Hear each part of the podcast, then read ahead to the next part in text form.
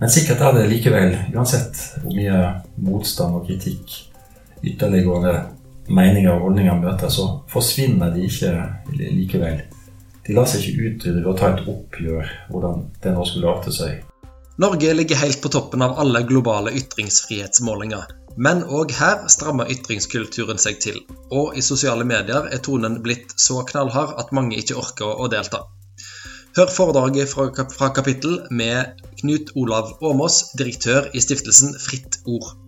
La meg bare si litt om stiftelsen Fritt Ord først. Eh, opprinnelig så var det gamle motstandsmenn, Jens Christian Haug og andre, som som grunnla Fritt Ord, for de satt i ledelsen av kioskkompaniet Narvesen. Og, eh, og, bestemte seg for å sette eierskapet av Narvesen til eh, en stiftelse som kunne arbeide for uh, spredning av det frie ord, og også ha en beredskap i krigs- og krisetider. Så sånn ble Fritt Ord til i 1974.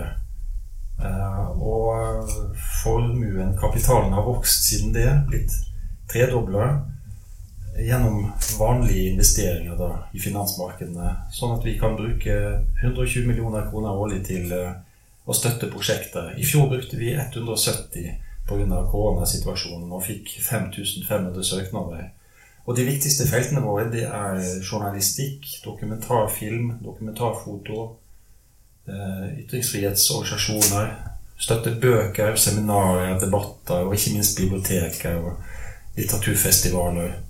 Og så har vi noen egeninitiativer. Vi forsker eh, vi bestiller forskning på ytringsfrihet, og, og vi har også vært med på å starte og motivere litteraturhus i Norge. Vi eier litteraturhus i Oslo.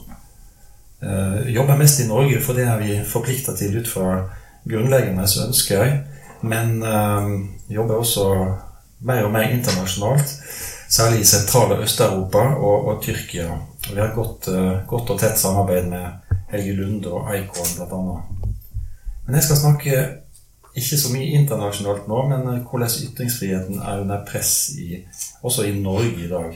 Vi skal altså snakke stort sett om de ne litt negative sidene ved ytringssituasjonen her i landet. Og, og, det faller meg jo lett som gammel avisredaktør å fokusere på det negative. Men jeg må også understreke først veldig tydelig at ytringsfriheten i Norge er jo helt i særklasse stor og reell og omfattende.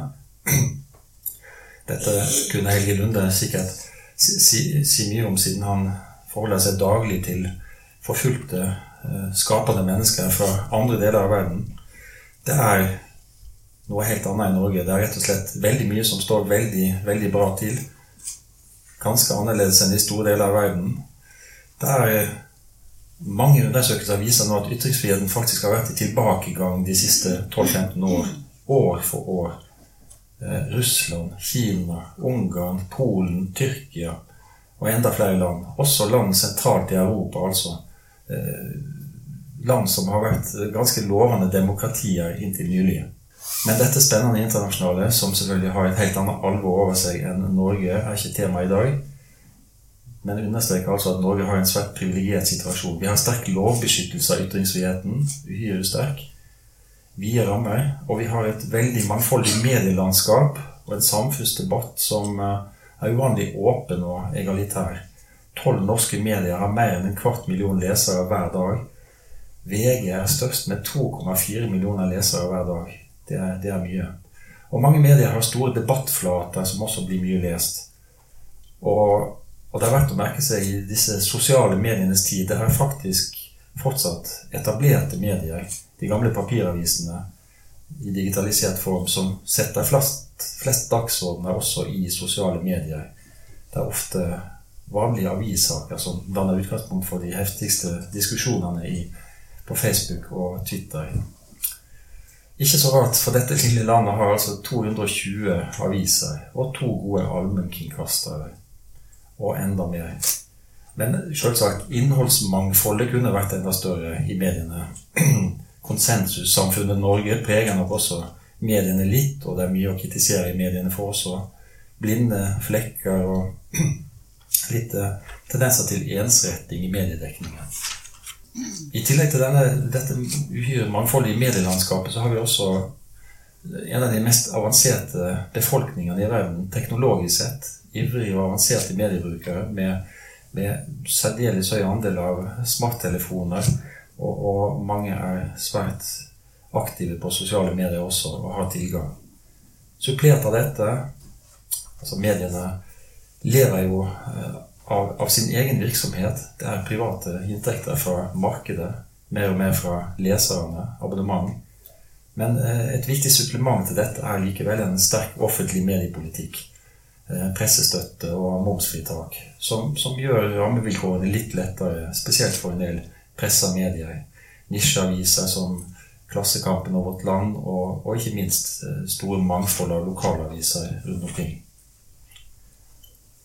Så alt dette i, i et politisk system som attpåtil er veldig fredfylt og nokså harmonisk, og i et av verdens rikeste land, så er det kanskje ikke til å undres over at vi kommer da på topp på ytringsfrihets- og demokratiindeksene i verden.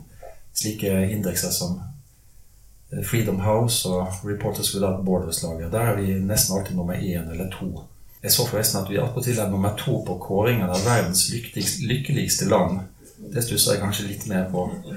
Så mye sutring som det er i dette landet, mm, trenger kanskje litt mer forklaring. Og jeg stussa enda mer da jeg så at Finland var nummer én i kåringen av verdens lykkeligste land. Så altså, vi har enorm ytringsfrihet i dette landet, tross, den, tross en litt underkuende konsensuskultur og sikkert litt jantelov igjen fortsatt. Vi eh, liker ikke alltid strid, vi vil gjerne være enige. Men samtidig er Norge prega av en motsatt tendens. At vi sier klart ifra uten respekt for posisjoner. Fordi vi er et ganske egalitært samfunn med relativt små forskjeller um, i internasjonal sammenligning. Så dette er to motstridende linjer i norsk mentalitet. Enighet og konsensus versus det å utfordre autoriteter og stille spørsmål til makt. Så sammenligna med det litt mer strømlinjeforma og hierarkiske og adelige Sverige, så er Norge litt mer rabulistisk og rufsete. Jeg syns at ytringsfrihetssituasjonen, eh, diskusjonen i Norge de siste årene er blitt mer politisert og ideologisert. Før skjedde det langs en høyre-venstre-akse, altså de siste tiårene. Det er stadig flere som plasserte de sterkeste ytringsfrihetsforkjemperne ofte på, på høyresida. Eh, nå framstår det mer som et skille mellom liberale og illiberale på begge sider. Jeg skal forklare det litt nærmere, men eh, jeg ser også en ny irrasjonalitet som vokser fram, der en stempler og diskrediterer andre før en prøver å forstå. Og denne nye politiseringen fører også til at vi aldri kan vite hvordan begreper blir brukt og forstått. Hvor går grensa mellom absolutt utålelig hets og trakassering på den ene sida og en røff, legitim debatt på den andre. Det kommer helt an på hvor du står.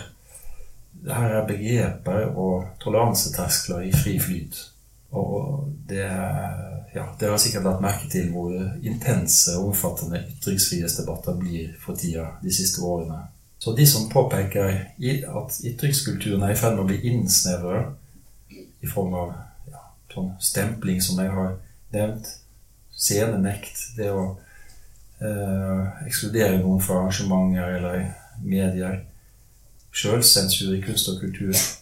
Eh, de som påpeker alt dette, og som ikke vil at det skal skje, som vil ha en mer omfattende ytringsfrihet i praksis, står steilt mot de på den andre sida, ofte rundt ytre venstre side, som er svært sterke i ytringsfrihetsdebatter, som hevder at ytringsfrihet faktisk i praksis innebærer makt og overgrep, hat og trakassering. Altså at eh, klasse- og maktperspektivet knytta til ytringsfrihet er undervurdert. Det, det, det, er nok et eh, poeng som mange har lagt litt for lite vekt på, syns jeg. Så ytringsfriheten i seg sjøl er et stort debattema i dette landet. Um, Eh, og noen avfeier det som metadebatt, men det er faktisk viktige grunnlagsdebatter, syns jeg.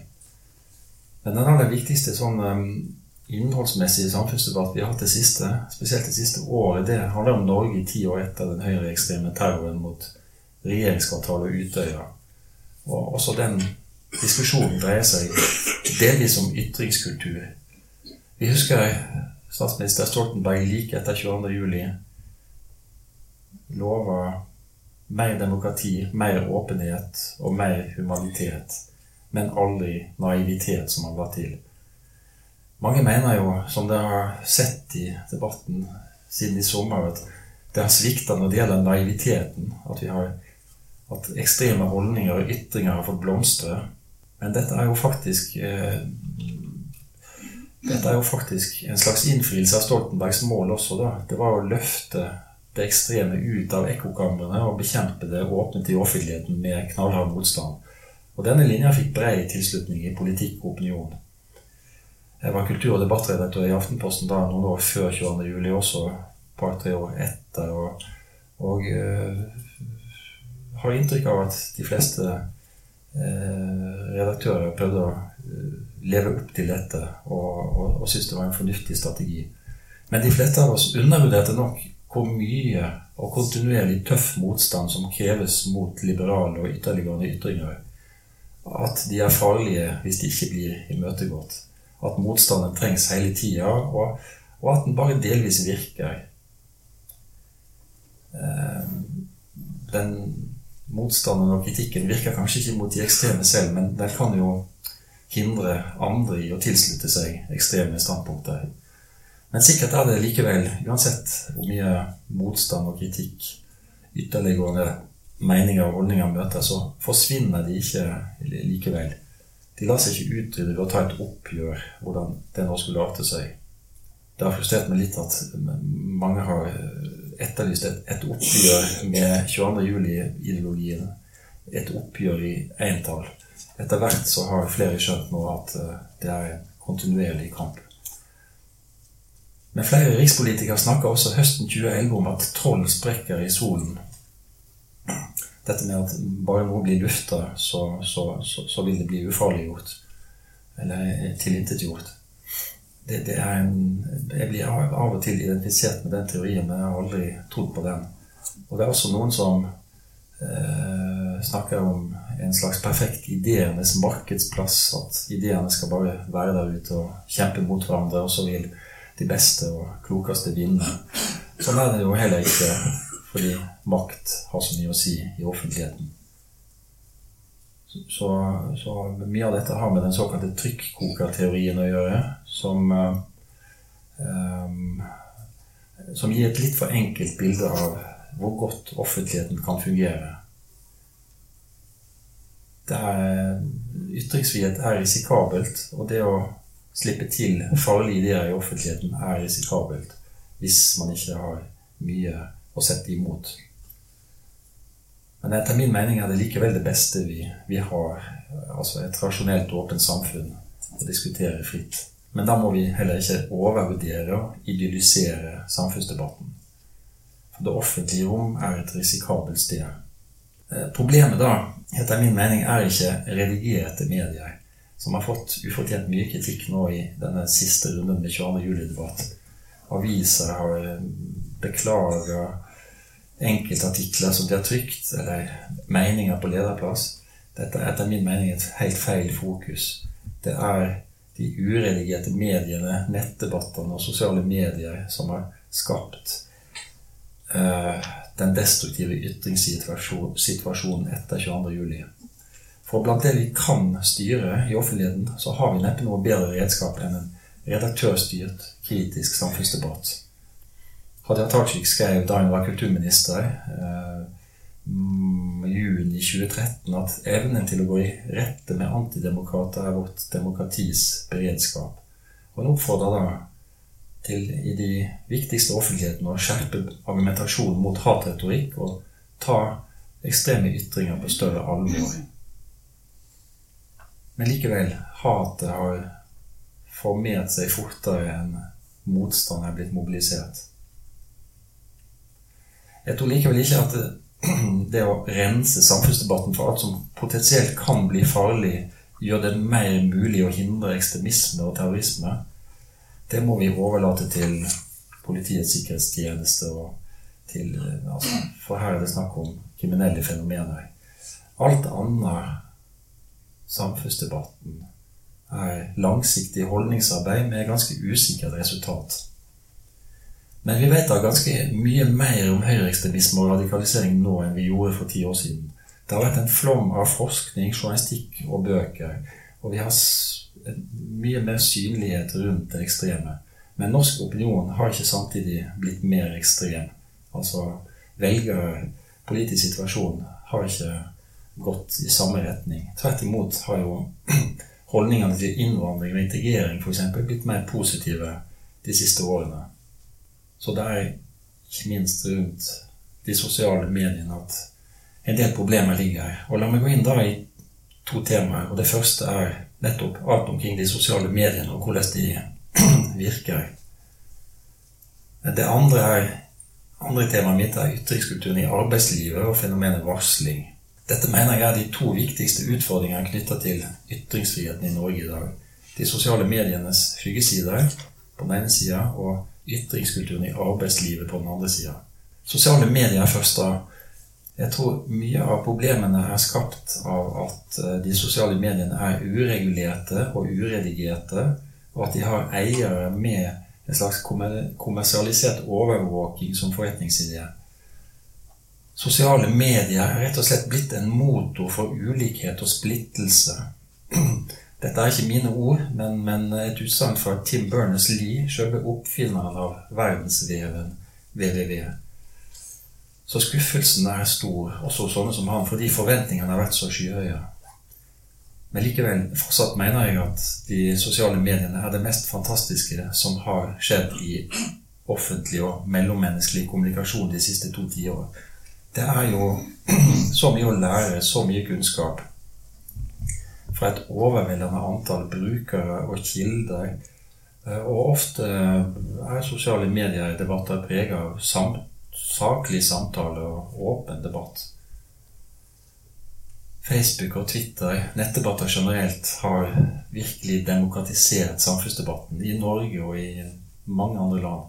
Det er en veldig god utvikling. Det meste som skjer på sosiale medier, er helt greit. Til dels veldig bra. Uh, Iallfall inntil for få år siden.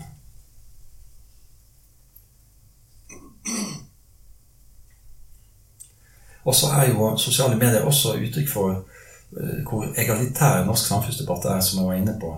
Det fins så utrolig mange arenaer i store og små offentligheter uh, i sosiale medier. Og så, som jeg også var inne på, alle etablerte medier med debatt og kommentarflater. Det skal godt gjøres å ikke komme til orde i dette landet hvis man, hvis man har noe å si. Men Etablerte medier har også skyggesider. De er fortsatt ofte for topptunge. De sier de jakter på nye stemmer, og det gjør de jo. Men de stivner for ofte til. Vil gjerne trykke helt vanlige folk og borgere, men velger likevel for sjelden å trykke noe av dem. Så det mangler i de redigerte mediene også vanlige folk uten titler og institusjoner skyver foran seg. Seniorer, kronisk syke, folk med funksjonsnedsettelser. Og det er for dårlig geografisk og sosial og økonomisk spredning også i de som slipper til orde i mediene. Både de som blir intervjua, og de som skriver selv. Så her er det en jobb å gjøre. Men resultatet er foreløpig at det er altfor mange gjengangere i avisenes debattflater og i radio- og TV-programmer. Men her må jeg også nyansere. Til tross for dette, til tross for at det stivner litt til, blir litt topptungt, så så er den redigerte samfunnsdebatten likevel åpnere og mer folkelig enn i noe annet land jeg kjenner til. Og det siste tiåret altså supplert av debatt i sosiale medier. Etter hvert som avisene har lagt ned sine egne kommentarfelter, for de skjønte at det krever for store ressurser å redigere de. Så, så norske aviser og medier har på en måte outsourca samfunnsdebatten sin til, eh, til, Facebook, ikke minst. Men nå frykter jeg at de uredigerte offentlighetene i sosiale medier, som har vært så demokratiserende, faktisk er i ferd med å utvikle seg sånn at de ødelegger deler av ytringskulturen. Det er så mange som blir skremt bort. Ytringsfriheten blir så redusert for så mange gjennom ulike mekanismer. Og alle som har deltatt i offentlig debatt, gjenkjenner jo lett en del av hersketeknikkene. De finnes eh, i både mainstream-medier og sosiale medier. Personangrep, latterliggjøring, usynliggjøring. Og ikke minst det å fordreie og avspore en debatt. Jeg husker jeg skrev en kommentar i Aftenposten for 10-12 år siden om eh, fjellets betydning i norsk historie, norsk kulturhistorie. Fjellets betydning. Og, og jeg fulgte med i kommentarfeltet til Aftenposten med hvordan det gikk med debatten. Og etter bare en halv time så var det også blitt en islamdebatt, en integreringsdebatt, der man påpekte at det er altfor få etniske, etniske minoritetsnordmenn som går i fjellet. Altså, det, islamdebatt blir jo Islam blir jo av og til kalt elefanten i rommet, som, ikke, som man ikke kan diskutere fritt og kritisk og åpent i dette landet. Det er litt rart, siden ni av ti nettdebatter i varierende grad handler om det. Iallfall har det vært sånn inntil nylig. Nå er det supplert av uh, vaksinemotstand og konspirasjonsteorier. Men en spesielt alvorlig variant av disse hersketeknikkene er jo hatprat og grov netthets. Og det er da ytringer som går direkte på identiteten til debattantene. Personlige egenskaper, karakteristikker, enten det gjelder legning eller uh, religion eller utseende eller, uh, eller kjønn. Fortsatt så er det et faktum at flere Altså, det er ikke nødvendigvis flere kvinner enn menn som opplever netthets, men den typen hets kvinner opplever, er, er mer alvorlig, integritetskrenkende. Så tonen i, og gjerne i truende retning. Så tonen i mange nettdebatter er ekstremt tøff og ofte usaklig. Og sjøl erfarne samfunnsdebattanter vet at alt dette er vanskelig å venne seg til. Jeg har opplevd en del av det sjøl, men eh, det gjorde sterkt inntrykk på meg da Marie Simonsen for noen få år siden sa at hun hadde vært i offentligheten i 20 år, men hun venner seg aldri til å få trusler. Og da sier det seg sjøl at uh, ferskere debattanter, helt nye stemmer, hadde mye, mye tøffere. Og spesielt de som ikke tilhører en organisasjon eller institusjon, men står helt alene. Og det er de frie debattantene vi kanskje trenger aller mest, fordi de bare taler for seg sjøl og en sak. Men hvis de skremmes bort, så blir offentligheten fattigere. Den blir innsnevrere. Og spesielt tøft går det for seg da i ordskiftene om innvandrings- og integreringspolitikk. De blir så raskt fullstendig overspent, til tross for at de partipolitiske forskjellene her i år, som vi vet, er reelt små. Men eh, en slags konspirasjonspreg frykt og polarisering kommer likevel til å prege mange debatter om disse temaene. Og det samme den samme tilspissingen, polariseringen, um, overspentheten preger også debatter om klima, vaksiner, nevnte jeg, og om journalistikk. Mediekritikk er et stort tema i sosiale medier. Og, og ikke sjelden blir alt tolka inn i et litt uh, forutinntatt verdensbilde med skille mellom oss og de Så resultatet av eh, sånne ting er jo ofte helt forutsigbare diskusjoner der det ikke er noe særlig å lære eller å hente. Det er repetisjonsøvelser. Jeg husker at jeg som redaktør i Aftenposten allerede i ja, altså Karikaturstriden husker jeg, som begynte i Norge i 2006. Jeg husker at allerede i 2008 eller 2009 så, så, så hadde jeg en slags fatigue av islamdebatt i Norge. Altså, jeg tenkte at nå, nå, har, nå, er vel det meste sagt. Det var ja, Vi var allerede kommet til masse repetisjonsøvelser av å si det samme. Men, men her er vi 13 år etter og diskuterer mye av det samme. Sakligheten og kunnskapen forsvinner i en sånn polarisert ytringskultur. Så det må vi reagere på, fordi konsekvensene er så alvorlige.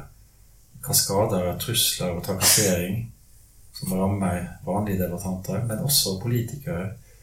Nå kan man si at politikere er betalt for, valgt for å tåle det meste. Men det er alvorlig for folkestyret når politikere ikke orker mer. Og vi har, vi har fått flere undersøkelser i det siste som som viser at det går så hardt for seg at folk trekker seg fra politikken. Sentrale Ap-politikere um, har jo opplevd hatet mot seg i sosiale medier stort sett hver eneste dag siden terroren i 2011. Ap og AUF. Og det gjorde sterkt inntrykk å høre at uh, AUF-ere ble angrepet fysisk også under denne valgkampen. Flere tilfeller av det. Og, men ikke bare Ap. Dette går på kryss og tvers av partiene. Forleden ble statsministeren stempla som landsforrædere. Og, og, vi husker karakteristikkene av Gro Brundtland som landsmorderen. Ikke landsmoderen, men landsmorderen. En ideologi som fikk et ekstremt uttrykk med Anders Behring Breivik.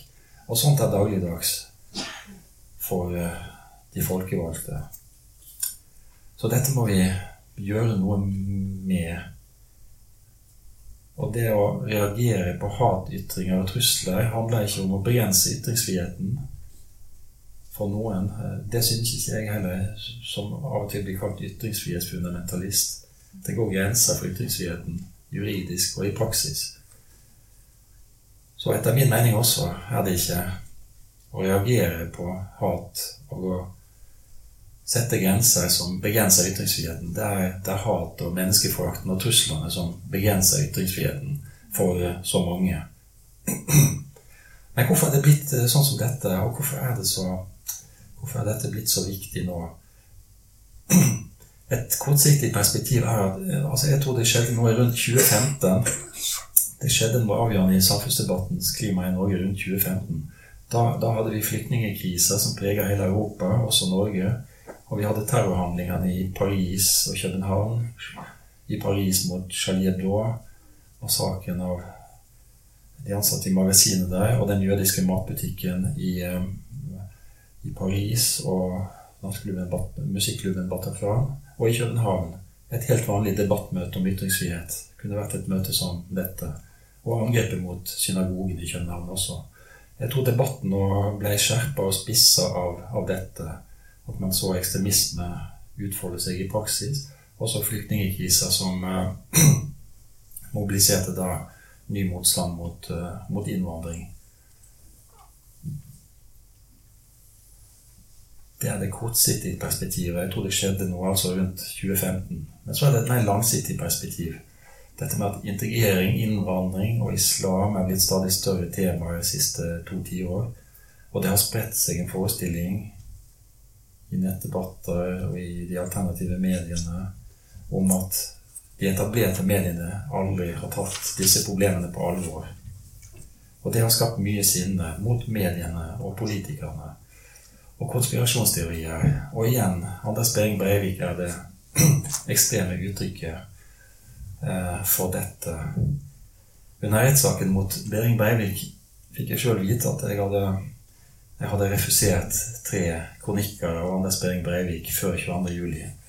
Han, han, han sa under rettssaken at uh, han, han, fikk ikke komme til orde i offentligheten, så derfor måtte han bruke andre midler. Men, og, og, jeg sjekka disse innleggene etter, etter, det. Og det som slo meg da, var Jeg hadde ikke sagt nei fordi innleggene var ekstreme. De var det motsatte. Det var en sånn veldig lette konspirasjonsteorier om at uh, det er noe som ikke stemmer med mediene og politikerne, og hvordan de planlegger framtidas samfunn. Altså sånn veldig forsiktige versjoner av Arabia-konspirasjonen om at det er i ferd med å skje en islamisering av Vesten.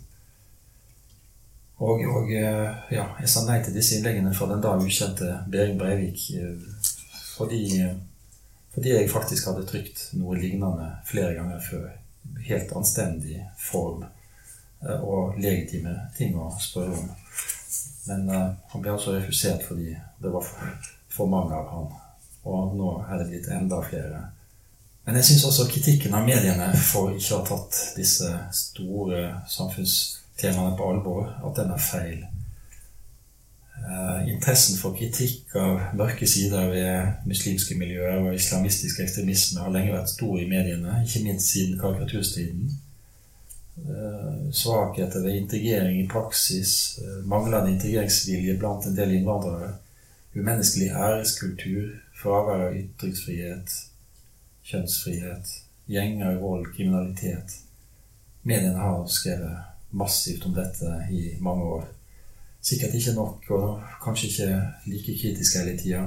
Men uansett, om mediene har gjort jobben eller ikke, så fins det uansett eh, betydelig reell motstand mot at samfunnet blir endra på de måtene en ser eller mener å se.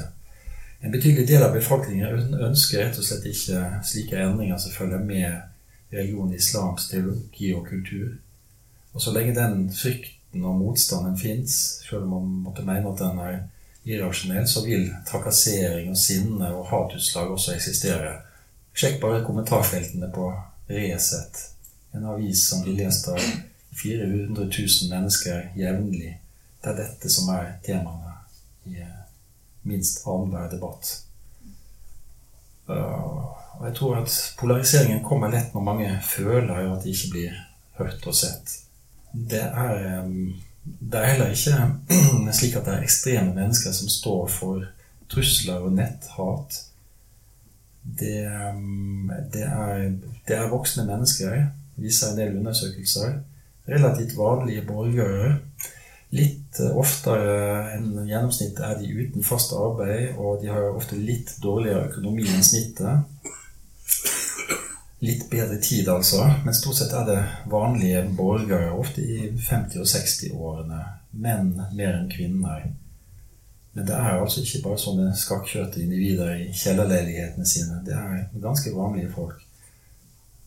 Og ofte står de fram mener med fullt navn en bestefar med et barnebarn på armen på Facebook som kan skrive de grusomste ting.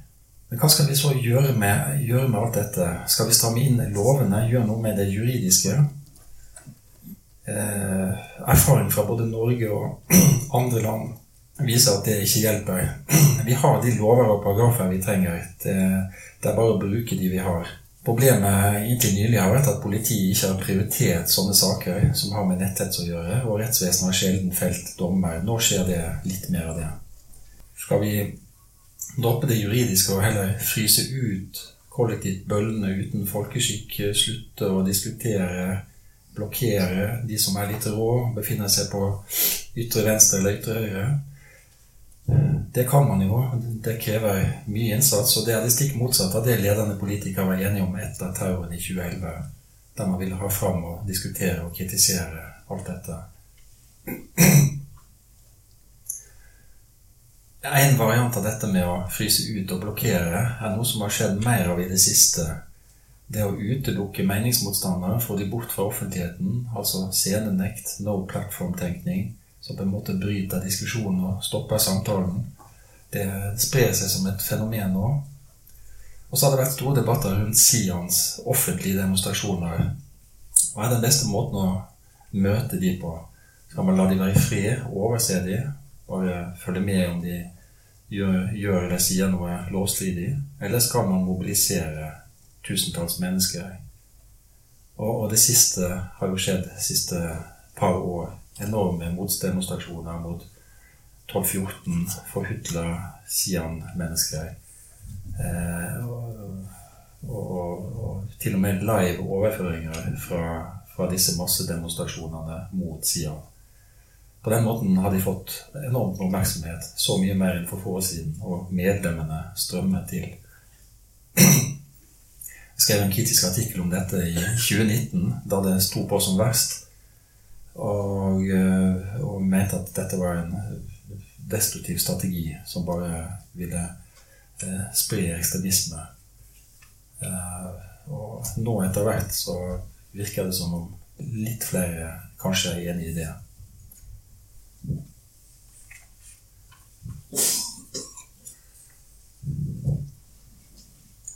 Jeg tror det å ekskludere og isolere bare vil det er noe vi kjenner fra Sverige. Få dritten bort fra offentligheten. Jeg tror det bare vil skape mer polarisering og utenforskap. Eh, vi, vi kan ikke luke oss, luke i landskapet fram til en eh, sunn og konstruktiv samfunnsdebatt. Det vil alltid være mye der vi ikke liker eller forakter eller er redd for.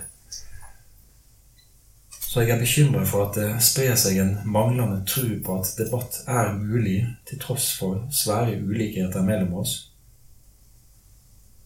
Eh, nå for tida er det for så mange debattanter blitt viktigere hvem du er, enn hva du sier. Vi kan ikke forstå hverandre, hevder mange, for du må ha en spesiell identitet for å kunne diskutere det eller det. Du må kunne se det innenfra. Dette er etter min mening en uh, veldig irrasjonell tendens. Alle har vi selvsagt hvert vårt utgangspunkt, men, men, det er ingen barriere for at vi kan diskutere heftig og saklig og rasjonelt med hverandre. Jeg har også tro på, tro på politikken. Mye av uh, overspenttheten i offentlig debatt er jo skapt av at ganske mange føler at politikere ikke finner løsninger på de reelle problemene Redaktøren i Minerva kaller innvandrings- og integreringspolitikken for en ideologisk og identitetspolitisk slagmark. Det det gjelder nå, er å gjøre også det feltet til et normalt og mindre panisk område. Det er både politikere og samfunnsdebattanters ansvar. For det er jo sånn De fleste av oss, og det meste, er jo faktisk i midten. De fleste av oss befinner seg ikke på den ene eller andre ytterkanten i samfunnsdebatten. Vi er i det veldig store midtfeltet av moderate mennesker, men blir jo oftere og oftere nesten usynlige.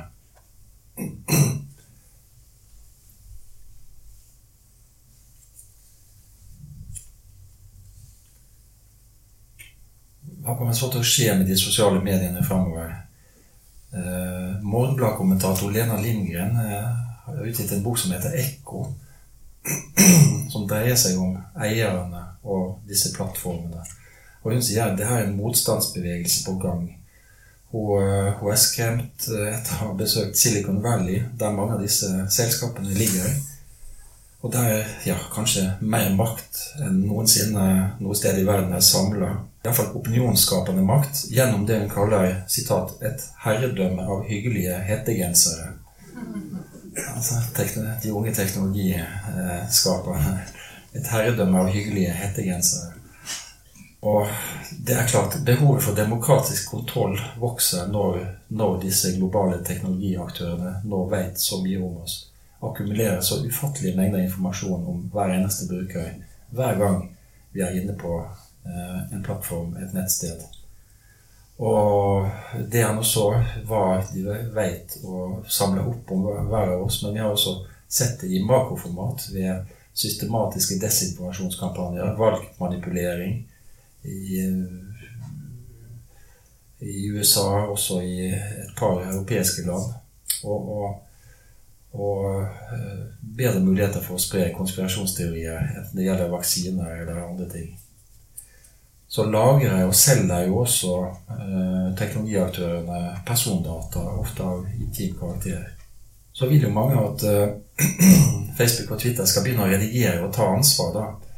Det, det er jeg nesten litt mer eh, redd for, for da vil man eh, outsource veldig store deler av offentligheten til kommersielle aktører eh, som, som, ikke er særlig eh, transparente, gjennomsiktige. Vi jo vi husker jo mediesaker med gjennom mellomrom om hvordan Facebook eh, tar bort ting. Tar bort bilder av en klassisk gresk statue fordi den viser naken kvinnebryst. Eh, um, eller at noen skriver en omtale av, av, Hitler på en eller annen måte og blir, blir utestengt. Holocaust-senter i, i Oslo ble også utestengt fra Facebook nylig fordi, fordi de hadde publisert, noen artikler om, om de ledende figurene i Det tredje riket. En forfatter som heter Lasse Josefsen, sitter nå og skriver bok om incels, altså enslige, isolerte menn som, som Eh, er single og har god tid og, og, og gjerne er litt sånn nettroll. Eh, han, han, har skrevet om det på Facebook også, som følge av det er nå selv permanent utestengt. Og som han sier, Facebook utestenger flere folk som jobber mot fascisme, enn faktiske fascister. Nå skal jeg straks avslutte. Jeg ser bare til min overraskelse at jeg har litt for langt manus. Um, jeg får rett og slett ikke tid til å komme inn på temaet om ytringskultur i arbeidslivet på en skikkelig måte, så la meg bare avslutte med sosiale medier. Men hvor i all verden er vi så etter et par tiår med sosiale medier? Noen uttrykker det slik at det har skjedd en kolonisering av kommunikasjon. Vi har blitt masser av følgere og tilhengere og etterklappere med alle våre likes i en altoppfattende oppmerksomhetsøkonomi. Det tror jeg kan ha noe for seg. Like alvorlig er det kanskje at sosiale medier mikser sammen de vidt ulike sfærene i livet vårt. De skaper en mindre tydelig skille mellom privatpersoner og samfunnsaktør. Og jeg tror det utløser, trigger mer av trakassering og trusler. Så på en måte er sosiale medier, til tross for den fantastiske demokratiseringen, også eh, drømmen som brast litt. Eller der vi står ved en skillevei nå uh, og er spent på om det kan utvikles i mer konstruktiv retning. Det er iallfall flere dype strukturelle ytringsfrihetsproblemer som er skapt av den måten sosiale medier har utviklet seg på. Men for all del, det fins fortsatt uh, lysere himler der. Sosiale medier gir jo stor kraft til grupperinger og miljøer som ikke har stor makt og sterk økonomi til å mobilisere, som bare har ideer. Og dette tror jeg Helge Lunde vet en del om også. Sosiale medier er veldig viktige internasjonalt som redskaper for noen av de modigste aktivister og menneskerettighetsforkjempere i samtida. Den arabiske våren var utenkelig slik den utfolda seg uten sosiale medier. Og Iran og Myanmar eh, er også mobilisering i sosiale medier vært veldig viktig. Og ikke minst de siste par årene disse innflytelsesrike nye rettighetsbevegelsene som metoo og Black Lives Matter, som også sosiale medier har gitt eh, kolossal kraft. Så jeg tror mange kommer til å bruke sosiale medier mer kresent og bevisst framover. Eh, Rett og slett fordi støynivået og alt det negative er utmattende. Vi kommer til å bli mer bevisste mediebrukere. Og det blir viktigere enn før, før å velge bort, ikke legge til enda mer. For et halvt år siden var det en hype rundt et eh, nytt sosialt medium, Clubhouse. Er det noen som husker det? Det var da diskusjonsrom der man skulle inn og snakke, altså lyd i stedet for skrift. Det er ingen, det er ingen som snakker om Clubhouse lenger. Jeg tror jeg fikk 28 invitasjoner og, og uh, venner og kjente som ikke skjønte hvordan noen ikke kunne være der. Så vi må velge bort. Og det gir håp. Og de sosiale mediene er jo blitt aktivt forma av sterke krefter fra dag til dag. Både eierne og brukerne. Og nettopp derfor tror jeg vi bevisst kan begynne å forme de om til noe bedre også, hvilken dag som helst. Det håper jeg iallfall. Da setter jeg sluttstrek der. Og kommer gjerne tilbake og snakker om ytringskultur i arbeidslivet, for det er det, er det andre viktigste ytringsfrihetsproblem i Norge, som fortjener et eget foredrag. Takk.